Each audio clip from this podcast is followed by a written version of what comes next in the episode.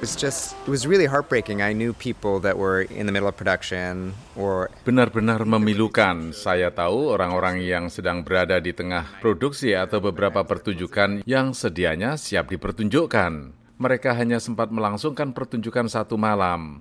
Malam pembukaan itu sekaligus menjadi malam penutupan pertunjukan. Demikian pernyataan aktor Michael Barrett Austin kepada VOA. Pandemi virus corona atau COVID-19 menimbulkan dampak sangat buruk pada industri teater.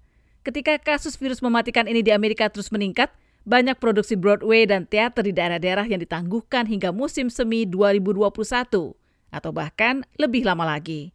Direktur kreatif Cal Shake, Eric Ting mengatakan, The American theaters, our audiences tend to be older, and so they fall into the high risk category.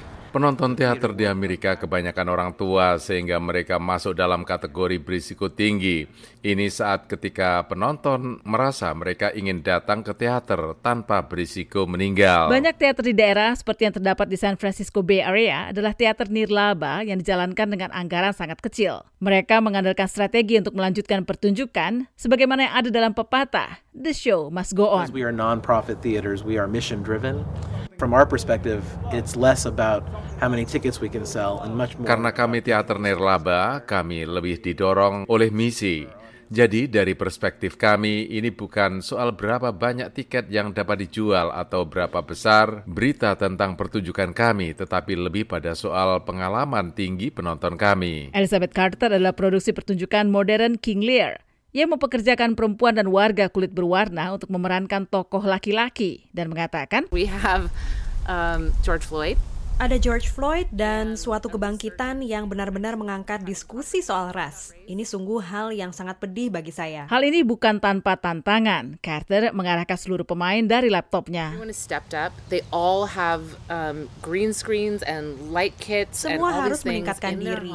Mereka semua punya layar hijau dan lampu, semua hal yang ada di rumah mereka. Saya mengatakan kita bangun pesawat sambil menerbangkannya. Semua orang mengakui dunia maya bukan pengganti pertunjukan live. that live experience of being in a space, whether it's a concert or a play or a dance. Pengalaman melangsungkan pertunjukan live, apakah dalam konser atau drama atau tari, kita menyebut hal itu sebagai nafas kolektif, yaitu ketika setiap orang tiba-tiba menarik nafas sejenak karena melihat semua hal yang sama dan merasakan pengalaman yang sama. Kita tidak dapat menyelaraskan semua itu lewat Zoom. Saya Masreva, VOA, Washington.